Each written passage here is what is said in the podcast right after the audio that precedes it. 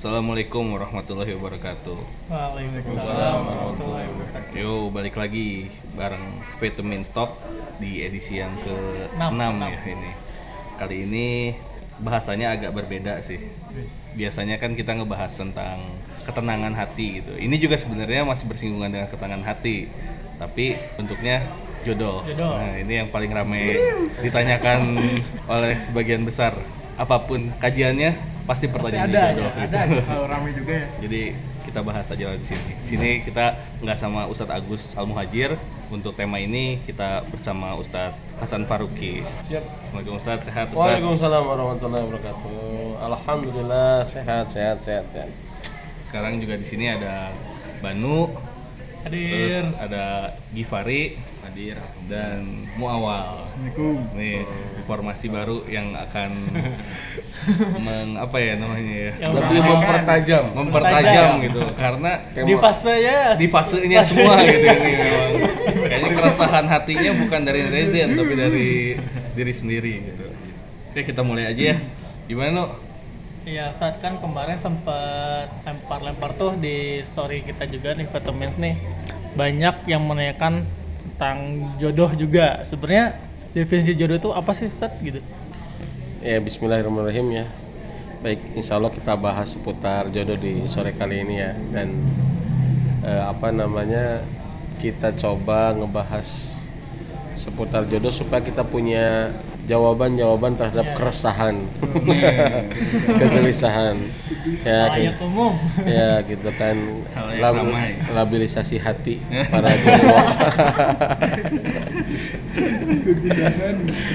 ya kalau makna jodoh secara definisi saya tidak pernah menemukan apa namanya literatur yang men- mendefinisikan masalah jodoh ya. Sebetulnya ya kalau kita ngambil secara umum gitu ya. Makna jodoh itu tidak mesti harus apa namanya eh, pasangan atau berbeda jenis kemudian bisa menikah gitu ya. Ya tidak selalu melulu masalah itu. Sesuatu yang memang sesuatu yang terjadi dengan takdir Allah gitu. Oh, ya mau kebaikan mau keburukan itu jodohnya begitu ya. Tapi kalau definisi secara khusus lagi ya mungkin jodoh itu adalah ketika sepasang mohon maaf ya antara laki-laki perempuan Allah satukan dalam apa namanya dalam bah dalam bahtera rumah tangga gitu ya. Kemudian diberikan kemampuan untuk eh, mema- memadu kasih ya gitu ya. Membina cinta ya mahligai cinta. Gitu itu ya. Eh, dalam satu rumah tangga nah mungkin itu berjodoh. Kadang ada pertanyaan Pak Ustadz apakah ini jodoh saya? Nyetei ya karena kan kita tidak tahu sesuatu kecuali yang sudah ditakdirkan oleh Allah kan? Iya, iya. dan kita tidak bisa mengklaim gitu kan itu pasti jodoh saya. Walaupun kita sudah menentukan tanggalnya tanggal pernikahan itu belum tentu jodoh kita gitu. Ya hamin satu hari H sebelum nikah itu juga belum tentu gitu kan ya jadi kalau ditanya itu jodoh saya bukan ya kita tidak tahu kan. Tapi kan ada yang sudah menikah empat tahun lima tahun enam tahun misalkan atau sekian tahun kemudian bercerai. Ya berarti jodohnya Sampai sampai nah begitu kan. Dia bercerai begitu kan. Dia- dan dia akan berjodoh dengan yang lain lagi. Yang saya nyateuing nggak tahu atuh ya. Gitu. Jadi itu mungkinlah kurang lebih definisi jodoh ya.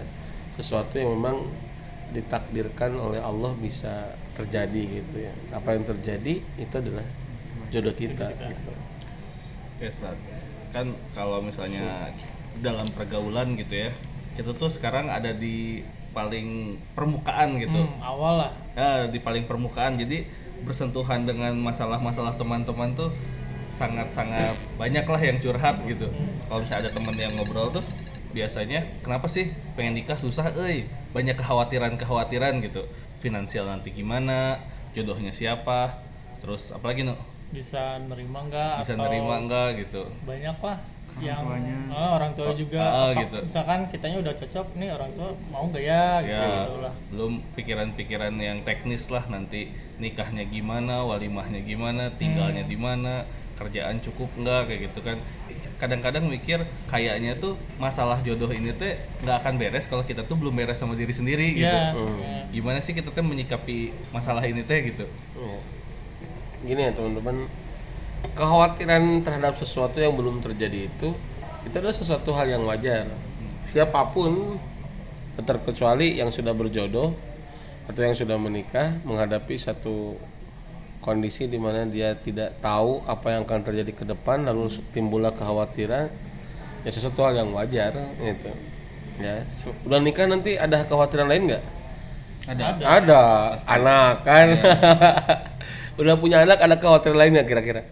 Pasti. Pasti kumaha sekolah anak kumaha engke jodohna budak jeung saha. Kemudian kan betul kan? Terus ya yang PS gitu, ya. gitu ya kan. Gitu kan kayak kumaha lamun budak loba kahaya kan sekolahnya cocok atau enggak kan begitu Iya. Jadi tidak akan selesai kekhawatiran hidup itu tidak akan selesai. Ya, kita balik lagi kepada kaidah. A'udzubillahi minasyaitonirrajim. Ya tabarakalladzi biyadihil mulk wa huwa ala kulli syai'in qadir alladzi khalaqal mauta wal hayata liyabluwakum ayyukum ahsanu amala. Alladzi khalaqal mauta wal hayata. Allah yang menciptakan hidup dan mati itu adalah sebagai ujian. Siapa amalan kalian yang terbaik? Jadi ya hidup itu ujian selalu ada ujian. Nggak pernah selesai itu. Ya mau kalau mau selesai ujiannya selesai hidupnya gitu. Itu ya. jadi nggak ada yang tidak diuji. Semua diuji gitu kan. Namanya Eh, hidup pasti nama diuji hidupnya gitu hidup ya. pasti diuji. Makanya apa namanya di kita eh, prinsipnya adalah bahwa kita harus eh, memahami bahwa hidup teh selalu memiliki eh, nafas ujian gitu ya. Jadi tidak akan pernah selesai. Tantangannya selalu ada gitu nggak pernah selesai. Jangankan yang eh, emang kalau yang tidak berumah tangga eh, tidak akan diuji dengan kehidupannya ya pasti diuji juga kan begitunya kekhawatiran jangankan tentang pernikahan urusan gawe kan urusan kerja kan atau kan kekhawatiran kan selalu ada kan begitu. Nah makanya salah satu solusinya adalah bagaimana membangun keyakinan. Ya untuk menjalani gerbang rumah tangga teh naon keyakinan nu kudu dibentuk teh nah, gitu. modalna teh eta gitu ya. pola pikir juga. Nah begitu ya. gitu. Baik. Cuma, Eh, sama ini Pak Ustadz mungkin ingin menambahkan juga kekhawatiran ke selanjutnya nih gitu. Ketika kita sudah dihadapkan gitu dengan pilihan tapi ada ketakutan bahwa apakah pilihan atau jalan ini tuh benar atau tidak gitu. Pilihan ini tuh sudah di jalur yang sesuai dengan syariah atau eh, apa syariat atau belum gitu. Kalau berbicara tentang kaifiat ya tentang cara itu how to-nya ya harus dikembalikan kepada lagi sesuai dengan syariat. Itu kan karena ibadah nikah ini ibadah terpanjang yang nggak ada selesainya. Hmm. Sok sholatnya ayah ayah, ayah tempatnya tuh ayah ayah waktunya nggak? Ada. ada. Kita lagi sholat gak nih? Nggak. Nggak. sholat ada tempat apakah ada tempat khusus kan gitu dikhususkan oleh Allah di masjid gitu kan? Walaupun semua bumi bisa dipakai tempat sholat zakat juga demikian zakat apa pun ya ada haul nisab kan begitu. Haji apalagi kan begitu. Saum juga sama kan begitu eh, dari subuh sampai maghrib. Jadi semua ada batasan waktu. Tapi kalau menikah itu ibadah sepanjang masa. Tentu tanpa merendahkan ibadah yang lain maksudnya ya. Praktek ibadah yang lain. Tapi misalkan nih di antara kita yang udah nikah punya istri. Keluar rumah nggak bareng istri statusnya apa? Suami. Ulah yang bujang deh ya. Ya iya kan ibadah terpajak kan nggak nggak bisa dilepasin kan? Ah rek eureun lah jadi salaki gitu. Kan Dis dispen lah dispen Senajan dicopot cincin gitu, ya ngaruh gitu ya. Status kita sebagai seorang suami bahkan amal ibadah yang terkait apa namanya yang terkait dengan yang lainnya itu bisa menjadi bernilai ketika kita memang memposisikan diri sebagai bagian daripada keluarga. Begini maksud saya kita kerja untuk keluarga jadi ibadah. Ya. Ya kita ke masjid kita sholat eh, taat kepada Allah jadi ibadah. Istri misalkan aktivitasnya untuk keluarga jadi ibadah. Gitu ya. Jadi semua bisa bernilai ibadah rekan-rekan. Kalau kalau sudah menikah itu ibadah yang paling panjang. Makanya kenapa dalam hadis riwayat At-Tirmidzi Rasulullah kan bersabda ya Rasulullah Shallallahu alaihi wasallam bersabda man tazawwajal abdu kan bagai barang siapa yang orang sudah menikah faqad istakmala nisful iman atau nisfu dinihi ya maka dia sungguh mendapat setengah keimanan atau setengah agama, ya. Falyattaqillaha fi nisfil baqi maka bertakwalah kepada Allah di di di setengahnya di sisanya kan begitu setelah menikah. Jadi kenapa disebut nisfuddin atau nisful iman? Karena memang ujian dalam rumah tangga itu atau nilai ibadah dalam rumah tangga itu berbeda dengan ketika usia bujang gitu. Nah karena nikah itu adalah ibadah maka cara-caranya pun menuju gerbang pernikahan teh harus sesuai dengan sesuai ketentuan Allah ya. Bukan jadi cara pandang kita terhadap nikah teh bukan sekedar kultur bukan sekedar budaya oh nikah teh budaya gitu kan ya. Bukan sebatas itu jauh lebih daripada itu nikah teh adalah syariat Allah dan kita yakin kalau Allah sudah ngatur kasih aturan untuk hambanya pasti maslahat. Oh iya. Lah Allah yang menciptakan kita Allah yang menciptakan aturan buat kita. Jadi pe- karena saya, saya- coba siapa yang lebih tahu tentang diri kita selain Allah? Nggak ada. Lah lah kita jangan wah kita kan yang paling tahu. Lah kita aja diurus sama Allah. Pernah kita kita ngehidupin misalkan power dalam diri kita supaya mata berkedip supaya jantung misalkan berdetak supaya darah kita mengalir. Iraha orang ngurus nu itu sok. Diurus ku saha eta diurus ku saha? Eh diurus ku Allah kan lagi gabut juga ini teh bekerja terus gitu ya. Ya. Otak otak bekerja bahkan ketika tidur otak menyimpan memori. Eta otak digerakkan ku saha? Ya. Gitu. Terus lah bisa perdati kita di di urus oleh Allah tiba-tiba pas urusan nikah kita ngomong lah aku dah yang paling tahu mah terserah aku aja. Har hari kamu diurus ku saha makanya Allah yang paling tahu. Makanya Allah kasih aturan. Ya untuk apa Allah kasih aturan? Untuk menjaga diri kita. Iya, iya. maka disebutnya itu kalau dalam versi bahasa Ibnu Taimiyah ya aturan Allah itu adalah fitrah munazzalah fitrah yang diturunkan. Kalau yang kita bawa pingin makan pingin minum hubungan biologis ya kepedulian dan lain sebagainya itu disebutnya fitrah gorizia. Ya nah Allah teh diturunkan fitrah munazzalah supaya fitrah gorizia kita teh terjaga. Nah kita harus yakin dulu ke sana supaya tidak supaya kita tengah naha-naha gitu. Iya, iya, iya. nahanya buat kuduki nahanya buat kuduk itu menikah gitu kan. Jadi kita terikat dulu dengan dengan dengan aturan Allah gitu ya. Kenapa sih ah, nggak boleh berdua-duaan gitu ya berkholwat gitunya? Tujuan pacaran apa? Untuk saling mengenal. Iya. betul ya? Biasanya kan gitu ya? Tujuan pacaran itu pengen saling mengenal supaya tahu nggak beli kucing dalam karung kan begitu? Iya. ya pertanyaan saya apakah ada titik kepuasan untuk mengenal calon pasangan kita dengan pacaran? Nggak ada. Nggak nggak pernah selesai. Terus ya terus bahkan saya pernah baca ya penelitiannya.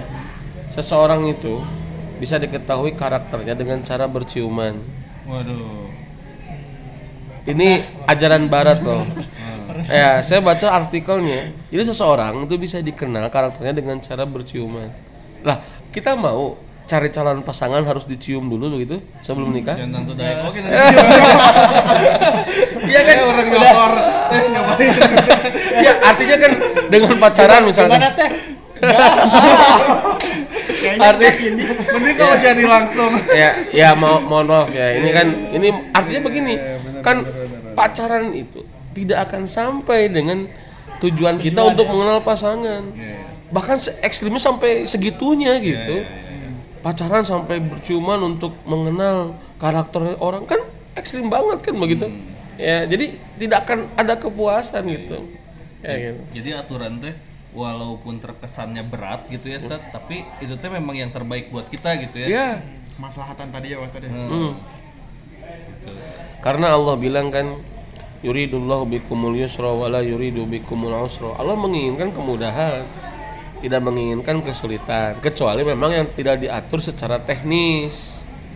Itu ya itu dikembalikan lagi kepada kebiasaan atau kemaslahatan kita.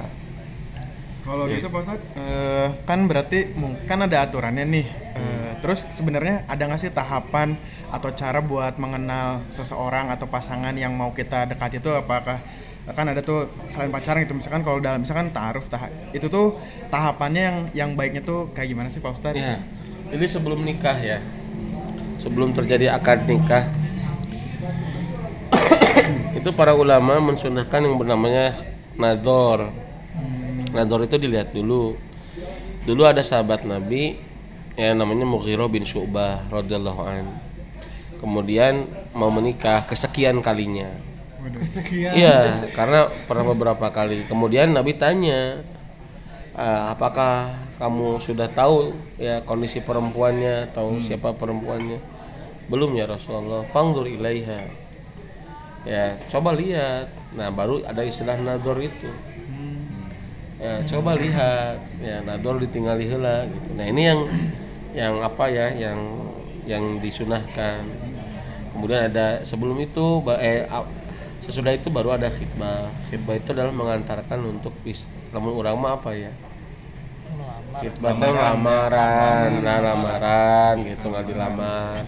Jadi mengikat gitu ya, melamar diberi, boleh dengan beberapa hadiah dan lain sebagainya sebagai bentuk ikatan calon gitu ya. Makanya adabnya tidak boleh kita menghitbah calon yang sudah dihitbah oleh Orang lain. Orang lain. orang lain gitu kan oleh saudara kita nggak boleh itu adabnya sebetulnya taruh itu saling mengenal itu dalam tuntutan syariat nggak ada sebetulnya Hmm. Perintah taaruf ini yang saya tahu ya nggak ada perintah untuk taaruf gitu ya tapi apa namanya itu taaruf ini dilakukan supaya untuk menghindari tadi pacaran Pacaran ya. makanya saya ingin tanya sama teman-teman ya apa bedanya taaruf sama pacaran Ada Eh, enggak, enggak, enggak, enggak. Taaruf dan pacaran itu status atau aktivitas? aktivitas Aktivitas. Aktivitas. Sekarang judulnya taaruf, tapi kelakuannya sama seperti orang pacaran. Pacaran, pacaran. pacaran. Jadi Berkedok itu taruh gitu ya. tapi taaruf itu sebenarnya saling mengenal aja. Dan itu tidak harus seformal banget begitu ya. Iya, iya. Ya harus diatur gimana. Ustaz gimana kalau enggak kalau CV-nya seperti apa, aturannya seperti apa, gimana nggak ada. Malah saya bilang kalau kita tuh mau nggak perlu CV CV-an kalau sudah tahu ya, misalkan untuk sekedar nunjukin CV, datang ke rumah orang tuanya, ngobrol dengan orangnya atau misalkan iya iya. kita ketemu ya. Kadang lihat eh CV-nya gitu ya lihat eh, apa kurikulum vitae-nya wah bla bla bla bla bagus nih. Eh ternyata udah ngobrol udah ketemu dan nador. Kurang enaken kurang serap tetap jangan terlalu diandalkan CV mah datang we urang udah kenal sama tenan naon nanti. Ya apalagi untuk menikah yang tidak boleh. Teh kan melemparkan syahwat bahasa-bahasa yang menjerembus kepada urusan biologis. Itu Menggoda, kan? menggoda-goda lah. Nah, itu kan yang tidak boleh. Ari nanyakeun kenal kan? Islam kan tidak membatasi itu kan. Yang penting kan tidak melampiaskan syahwat kita, kemudian dijaga pandangannya gitu kan, tidak bukan untuk menikmati auratnya kan begitu. Tapi harus ada perantara nggak sih Pak? Tidak mesti juga, cuman perantara itu tidak itu wajib gitu. Jadi tapi perantara itu lebih selamat supaya kita lebih terjaga, tidak terjebak kepada holwat. Pak Ustadz saya jarang holwat berdua-duaan mah pergi enggak, tapi jam setengah satu malam saya chattingan, eh tete holwat online. walaupun tidak bareng tapi Walaupun tidak tetap bareng ya. gitu ya, udah cukupnya aja gitu maksudnya. Kalau kenal ya mengenal ya gitu. kalau tipe-tipe flirting flirting syari mah meureun siga kieu Ustaz. nun mati ketemu ba aja klub gitu. Masa aku aku ketemu kamu nggak ijab gitu. tapi itu teh kontennya tetap hari-hari pacaran gitu tapi rada mikir oke sih ya tapi. ada mikir paman orang can- centasin ya. Ya, inspiratif gitu ya.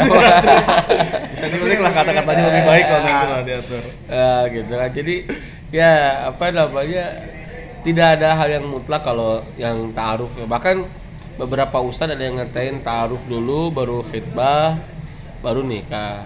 Ada lagi yang khitbah dulu baru ta'aruf ya. Baru nikah, jadi nggak ada yang ah, mau yang mana? Nggak ada yang nggak ada yang Gak ada yang pasti nggak ada yang pasti. Nggak ada yang harus itu lebih baik yang gitu. penting tidak melanggar aja. Ya gitu kan. Jadi prinsip nggak kia akhirnya tidak pacaran tapi misalkan TTM teman tapi mesra misalkan. Adik kakaan teh ya, gitu. Kayak nama gitu kan. adik kakak ada Adik kakaan. adik kakak beda, ada beda indung bapak tapi cuma Eh, kan itu juga bahaya. Sama Iya, mah benar, nggak pacaran? Jadi prinsipnya bukan pada pacarannya. Prinsipnya adalah pada aktivitasnya. Jangan fokus sama namanya gitu. iya ya, sekarang ya. eh sekarang nih aktivis dakwah contoh ya nggak pacaran tapi kalau ngurusin dakwah sering-sering ikhtilat dan berholwat misalkan Hmm. itu kan ini juga bahaya kan Iya, iya, iya. iya. ya jadi ya inilah yang maksudnya adalah eh, masuk kepada bab tentang ta'amul tentang berinteraksi gitu ya jadi ya yang sudah menikah pun sama harus dijaga Iya. nah saya yang sudah menikah apakah eh, saya nggak pernah pacaran tapi misalkan sering berholwat sering chatting berlebihan dengan lawan jenis yang apa namanya bukan Hmm. Iya, iya. urusan yang penting misalkan jadi itu balik lagi gitu Lagi apa? Ya, udah makan belum Oh, lagi di mat- mana mata, mata- makan matan tiang dia ya. Oke, Udah selanjutnya, pertanyaan selanjutnya. belum? Kuma. Nah kan Zat dia kan ngomongin ta'aruf ya Kan ada misalkan udah merasa cocok Terus sampai ada juga pemikiran yang udah jadi hitbah nikah misalkan tiba-tiba tidak sesuai ekspektasi gitu gimana Zat? Jadi begini ya, eh, menurut saya kaidahnya sama. Ketika kita menghadapi kekecewaan, yakin bahwa Allah tidak salah dalam mentakdirkan sesuatu buat hambanya. Begitu. Jadi harus punya keyakinan dulu bahwa Allah tidak pernah salah mentakdirkan sesuatu untuk hambanya. Pasti ada alasannya gitu Nah, pasti Allah selalu mengambil hikmah buat kita. Gimana nih kalau kita dapat kekecewaan misalkan ke calon kita satu ridho dulu dengan takdir Allah Hmm. terima dulu Hmm. terima Kalau nggak diterima mah karena kalau nggak terima itu kayak kita di saluran saliran darah kita banyak toksinnya Hmm. Jadi nggak mengalir dengan baik gitu. Jadi Rudet gitu. ya bawaannya ya. Jadi terima dulu. Gitu. mana dalilnya? Rudatisme ya. Jadi Nabi bilang faman rodiya falahu ridho waman sakhito falahu sukhtu. Barang siapa yang ridho dengan ujian dari Allah Allah pun ridho ke dia. Dan barang siapa yang benci Allah pun akan benci jadi kita datangkan dulu keridoan. Keridoan itu kayak healing emosional. Paham nggak? Jadi emosi-emosi negatif tadi dipicen heula. Hmm. diterima ya Allah engkau tidak pernah salah kenapa aku dihadapan kayak begini? Begitu. Paham nggak? Ya. Tete kalau kece kalau kecewa ya ke pasangan. Misalkan tidak sesuai ekspektasi kita gitu ya. Kemudian yang kedua ambil hikmahnya ini hikmahnya apa ya? Kenapa Allah datangkan kayak begini? Cari. Iya, iya. itu yang membuat kita selalu bisa hidup tenang karena positive thinking kan? Benar. jadi Suzon wae. naon itu hikmah? Husnudon billah namanya itu. Nah husnudon billah itu nya positive thinking gitu. Ya dan ya Allah berfirman dalam hadis kursi ya. Bukan dalam Al-Qur'an ana indadzon yang abdi bi falyadzunnu aku sesuai dengan prasangka hambaku. Jadi kalau kita tidak husnudon ke Allah tidak husnudon billah nganaha-naha nah ya Allah ya ini teh kayak begini kenapa ya Allah kenapa aku teh gitu kan. Nah, terus kemudian apalagi mohon maaf ya suudon ke Allah engkau tidak adil ya Allah. Kenapa temanku diberikan yang lebih baik? Jodohnya ay aku kia kia wae eh itu teh eh itu teh kalau kalau tidak hus begini kan pilihannya. Kalau tidak husnudon pasti suudon. Posisinya kan kayak begitu. Kalau kita tidak tenang kita akan galau. Kalau galau pasti tidak tenang kan gitu. Maka sebelum pikiran ini ditarik oleh don-don yang su'u eh suudon ya.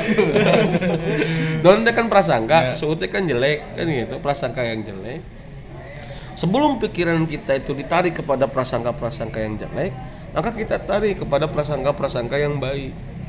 Tetapi dikaitkan dengan Allah. Profesor William ini kata Babe Jamil saya dulu pernah ikut training beliau. Ada sebuah penelitian. Ada 100 orang disimpan kenapa hidupnya mereka selalu sukses? Ya di rumah tangga di jalan di pekerjaan ya kemudian juga eh, di masyarakat dikumpulkan. Ada 100 lagi yang selalu sial. Ya ini untuk menguatkan hadis tadi ya walaupun yang nelitinya bukan orang muslim. Ya tuh kan eh, selalu sial hidup nanti. Namun di jalan loba cilaka gitu nya. Lamun ulin jeung babaturan piributin wae sia eta mah gitu kamu eh gitu lamun gawe ah gitu kan he- hese gitu kan maju nate gitu kan. Kemudian ya kalau di jalan loba tabrakan. Jadi iya. Apa sih? Ah, iya, lamun bahasa mereka kan sial katanya, gitu kan sial hidup nanti. Nah diteliti, ternyata apa kata Profesor William?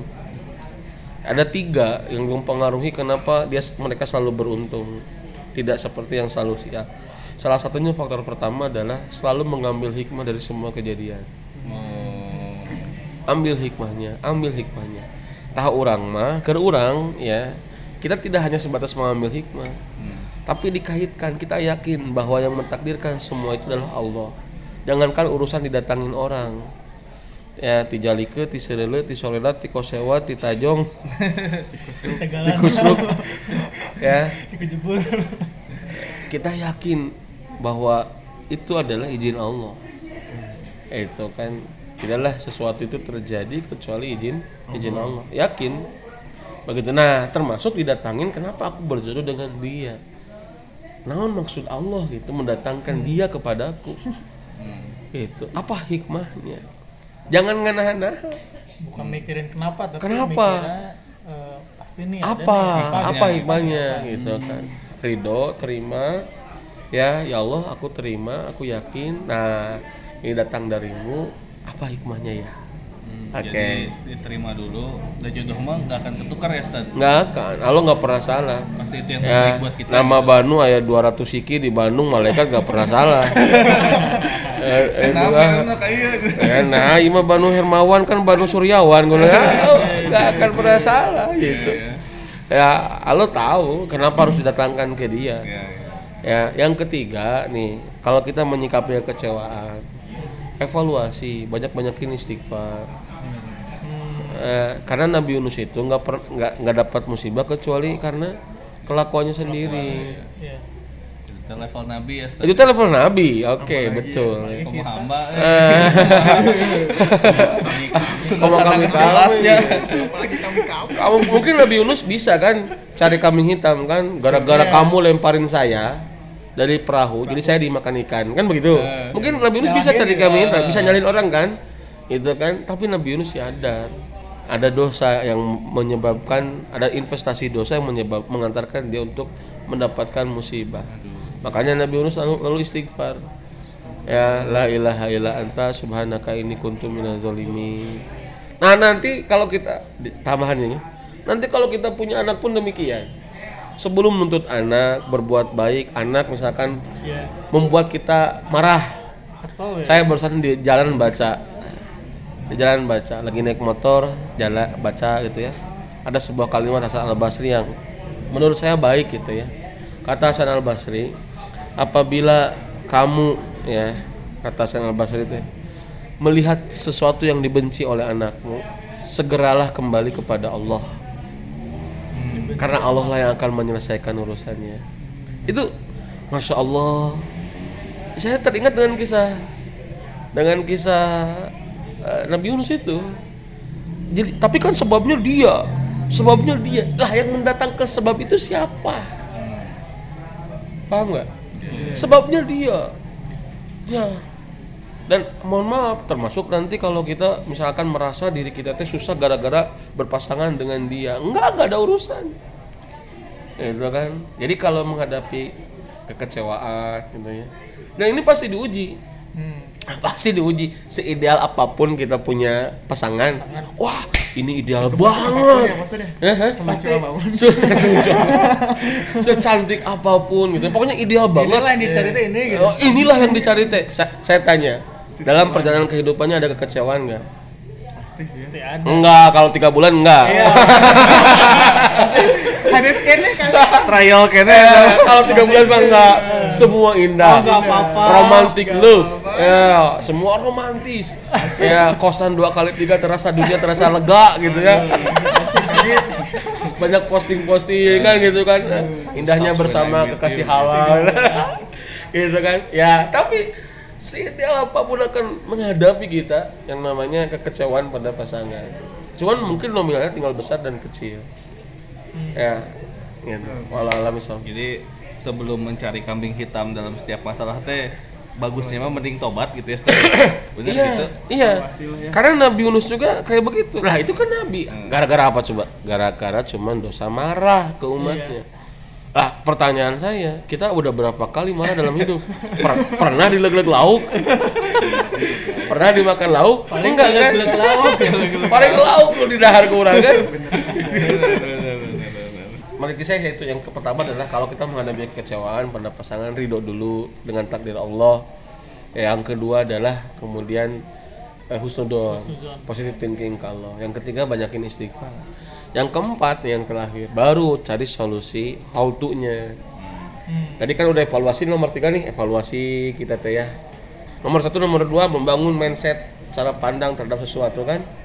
Karena cara pandang terhadap sesuatu itu itu akan mempengaruhi cara kita menyikapinya gitu arti tuh Ya, ya, benar. ya cara pandang jika ki ieu naon hidungnya oh kopi diuyup kan gitu kan tapi kalau kita ah iya mah cai kolomeran diminum nggak Wah. Ah, jadi cara pandang kita kepada sesuatu itu mempengaruhi bagaimana cara kita menyikapinya.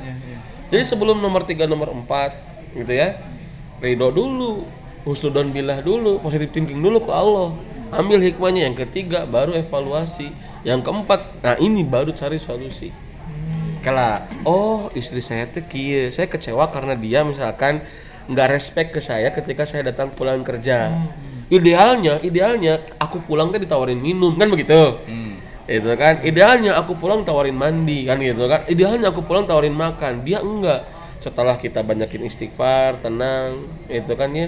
Bukan membiarkan ini Ustadz kalau kita banyakin istighfar istri salah dibiarin enggak Oh, jadi jangan Enggak, jangan dibiarin. Tetapi ingat nih, meluruskan pasangan kita dalam kondisi tenang itu jauh berbeda ketika kita menasihatin mereka dalam kondisi rudet. Astagfirullah. Ah, gitu kan. Jadi kalau saya udah nasihatin dalam kondisi marah itu jauh berbeda ketika kita mengarahkan mereka menasihati mereka dalam kondisi tenang. Nah saya sarankan kalau kita dalam kondisi marah diam. Malah lebih masuk gak ya Ah lebih masuk. Kalau marah jangan ngomong. Ya. Kalau ngomong jangan marah. Ah, Bener tuh. kata udah deh nih kata udah deh Eh, Bapak teh. Ini abi pulang. Nih Ustaz, kalau ini yang terakhir mungkin ya bahasan terakhir ini ini mah eh, perihal teknis nih Ustaz.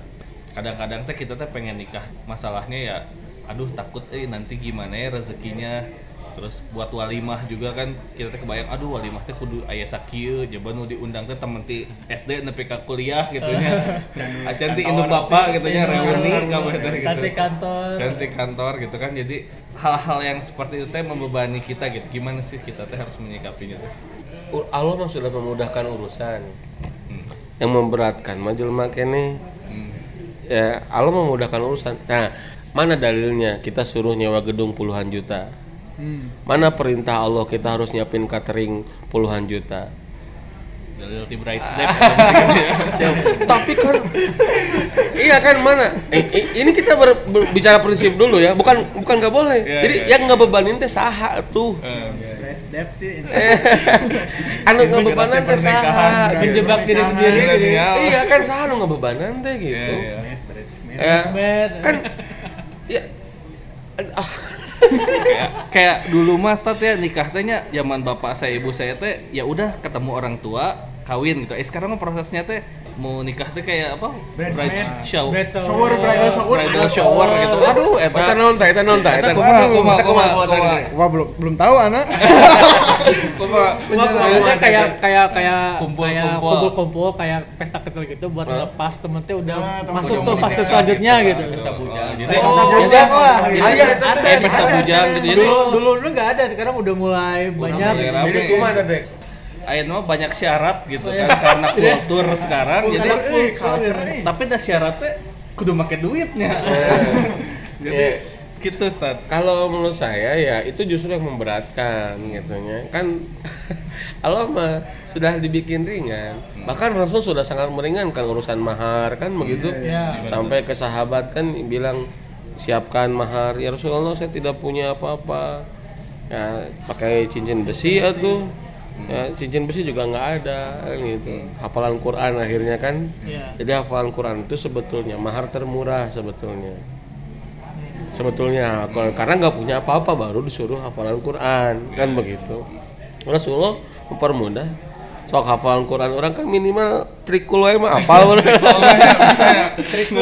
kan Trikul. kalau kalau cekasarna gitu lah menese-hese teuing kita cari mahar. Jadi sangat dipermudah. Iya. walaupun mahar itu adalah yang menentukan haknya perempuan ya calon istri kita itu kan ya. Eh, eh calon istri kita calon istri anda gitu. Kita lu kali aja gua enggak kan. Jadi subhanallah ya eh, apa namanya dipermudah. Tinggal nah ini berani nggak kita misalkan untuk melawan mainstream yang ada menyederhana. Yang begini ya prinsipnya ya.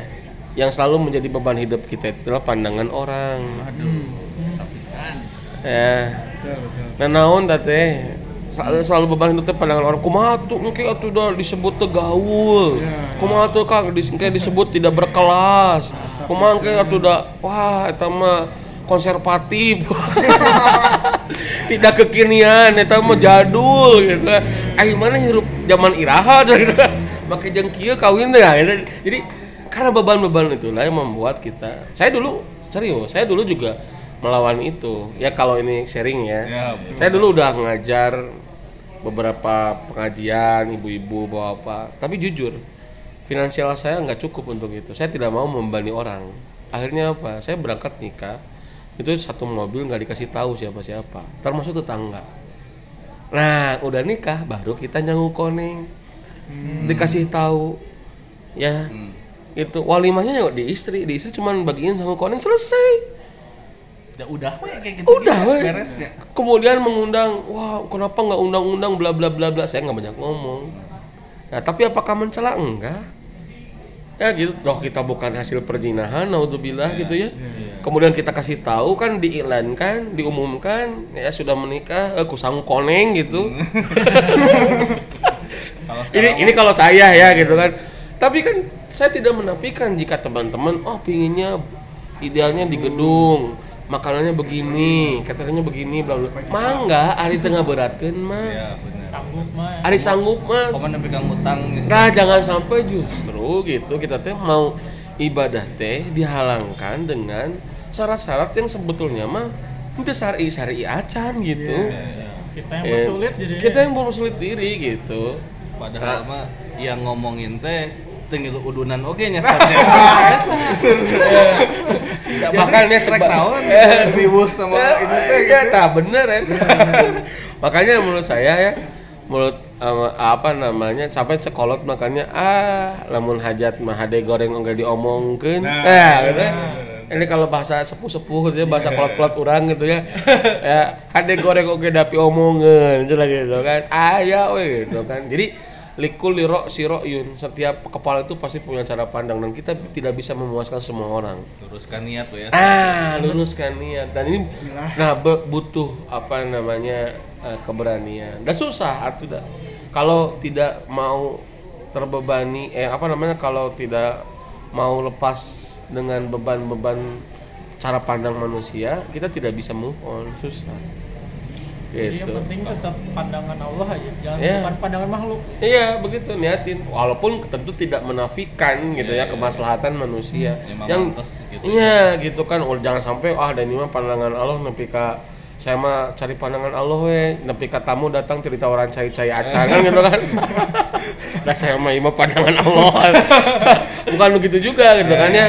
Tapi tetap cuman maksudnya adalah sesuai dengan kemampuan kita ya fattaqullaha mastata'tum bertakwalah kepada Allah sesuai dengan kemampuan kita. Kalau kalau ini gimana saat setelah menikah kan kadang-kadang suka bingung tuh nanti rezekinya gimana ya? Nikah teh kurang tuh kudu menafkahin istri belum nanti nyari rumah kontrakan gitu ya. Belum nanti kalau punya anak teh gimana gitu tak itu itu gimana tuh menyikapi kekhawatiran kayak gitu tuh? Ya. Harus haruskah kita punya dulu gitu? Settle dulu. Settle dulu ya. atau ya udah maju aja gitu. Ya ditimbang itu kemaslahatannya adalah kemaslahatan agama ya. Jadi begini saya tanya sebelum kalau sebenarnya kalau yang nanya kayak begitu gini bud. Saya akan tanya kembali lah lalu siapa yang menjamin hidup rezeki anda sendiri siapa?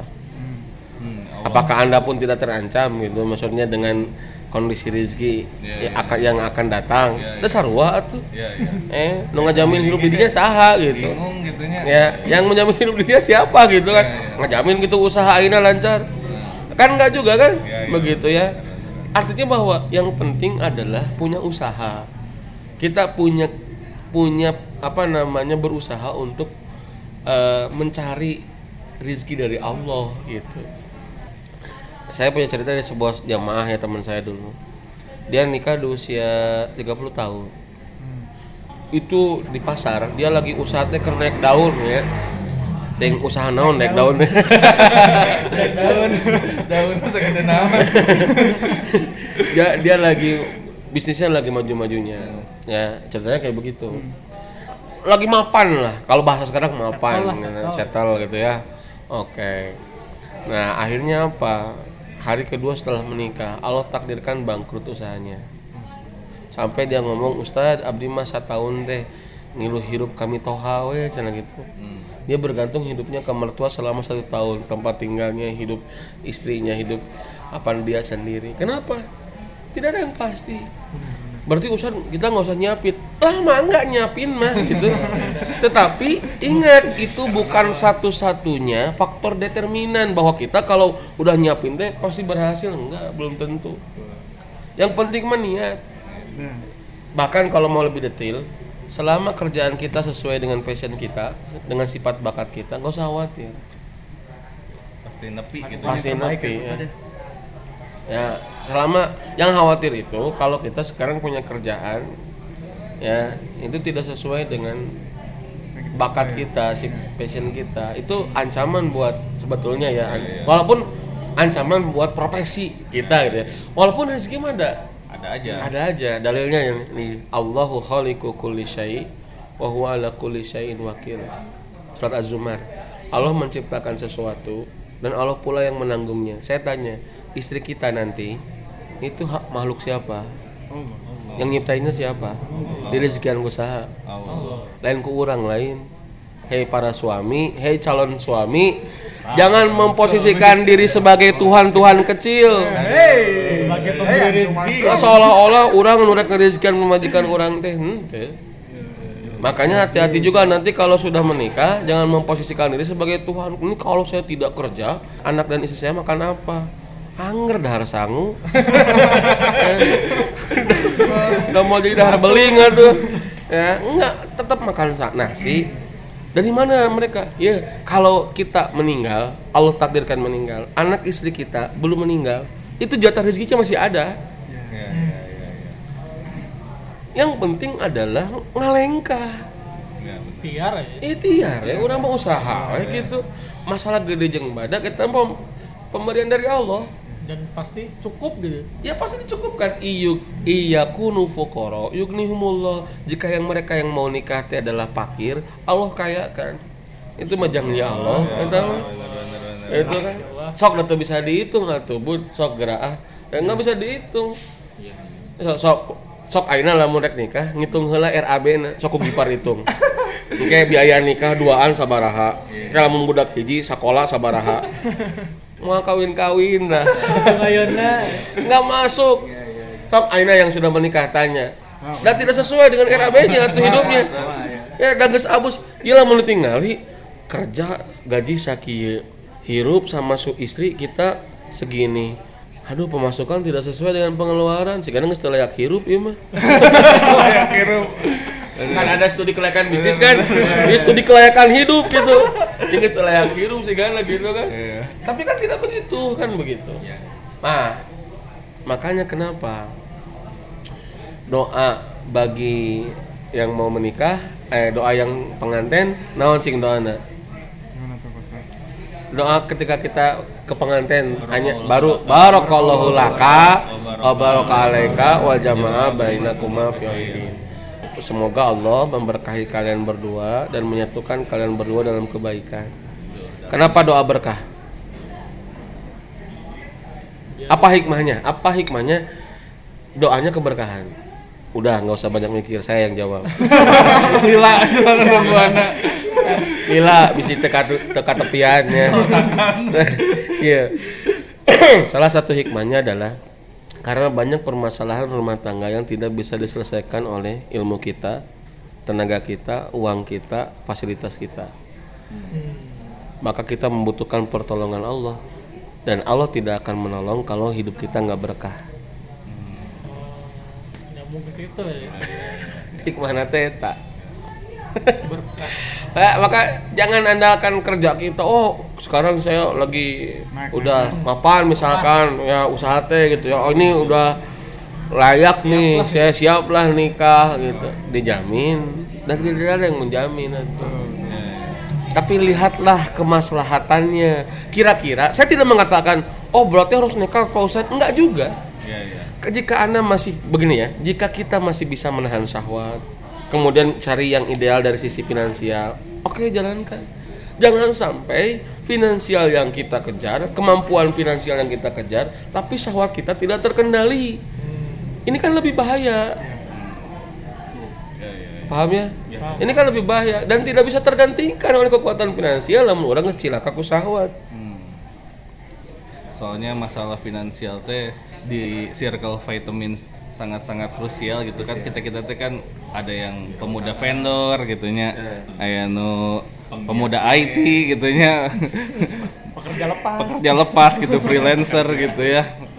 Suka nggak tenang tapi kalau ambil dari obrolan Ustaz Hasan mah kita kita teh tidak berpenghasilan tetap tapi tetap berpenghasilan gitu ya ya dan ya tadi bahwa jangan membebani apa namanya itu jangan membebani sesuatu yang sebetulnya mah bukan beban dari Allah gitu. Jika ada nikah tadi kan wah mikirnya kudu preweddingnya sekian puluh juta kan. Kemudian apa tadi tadi pesta ya? Ada pesta pesta bujang. Wah. Nah itu yang membebani teh eta gitu lah. Itu sok. Apa? Suruh siapa mana dalilnya kita disuruh punya apa namanya? Iya bermewah nggak ada gitu kan. Sederhana sekali. Bahkan Rasul aja nggak tahu pernikahan Abdurrahman bin Auf. Waduh. Ketika ketemu Abdurrahman bin Auf belum nikah. Apa kata Rasul? Aulim walau bisyatin sok adain walimah walaupun dengan satu ekor kambing. Eta Rasul berarti kan? Mak- makanya saya masuk nggak maklum ketika ada saya sendiri suka nggak maklum ada teman-teman misalkan yang saya nggak tahu kapan dia nikahnya. Bagi saya nggak jadi masalah gitu Dan Ta- tahu-tahu udah nikah we. alhamdulillah gitu. Saya tidak merasanya sakit hati. Oh ini mah kan oh mah tunggu nunggu itu. orang. Ngari riweuh nggak boleh ya Ustadz. Kayak misalkan menyalahkan bahwa wah nah ngundang gitu. Enggak nggak usah. Karena kita memaklumi gitu. Rasul aja kan tadi ketemu Abraham bin Auf Abraham bin Auf udah nikah kan begitu? Makanya teu ngarti ya. kan Ada orang tadi undang gitu ngarti. gitu kan. Yang nah orang tadi diundang orang apa lah mengundang mana pilih bute apa ya gitu kan ya daharna dua ratus ribuan amplopnya ngan dua puluh ribu ya. Kan. Ada gesok pohonnya. Di rumah karek ingat. Dia mah kadang ingat. Jadi menurut saya ada beban-beban kayak begini ya yang harus kita lepasin berani nggak kita gitu kan kalau kalau nggak berani susah tapi ya mentalnya harus di harus dibangun gitu ya harus dimotivasi makanya tadi tidak ada yang jauh lebih penting dari sebatas urusan teknis kecuali memiliki motivasi yang kuat apa motivasinya bagaimana cara pandang kita terhadap pernikahan lalu tumbuhkan keimanannya karena begini kalau iman sudah tumbuh dia tidak akan membuahkan eh, buah yang buruk gitu. Kalau pohon imannya sudah rindang, sudah bagus. Jadi begini, kalau orang imannya sudah tumbuh, dia pasti ingin sesuatu yang halal.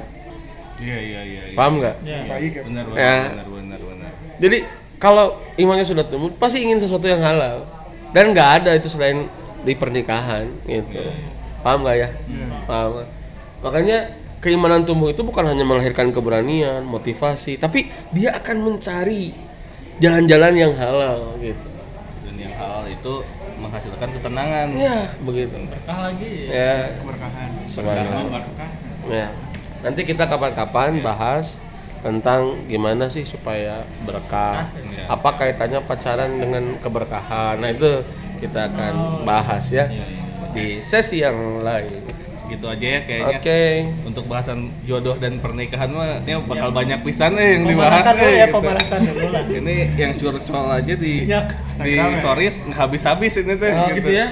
Jadi, Alhamdulillah ya. Alhamdulillah semoga ini Mudah-mudahan- jadi manfaat ya. Ya mudah-mudahan ya tentu saya juga banyak kekurangan tapi mudah-mudahan lah bisa sharing lah sharing menginspirasi lah ya begitu Siap. untuk bisa betul-betul memasuki gerbang setengah agama. Ya. Berbagi rasa. Ya, siap. Sip, ya udah gitu aja ya. Saya Abud, saya awal Banu, saya Gifari, dan Gifari dan ini juga Ustaz Hasan Faruqi. Oke. saya ngomong, rek ngomong ini di pehelaan. Oke, terima kasih. Siap, Assalamualaikum warahmatullahi wabarakatuh. Waalaikumsalam warahmatullahi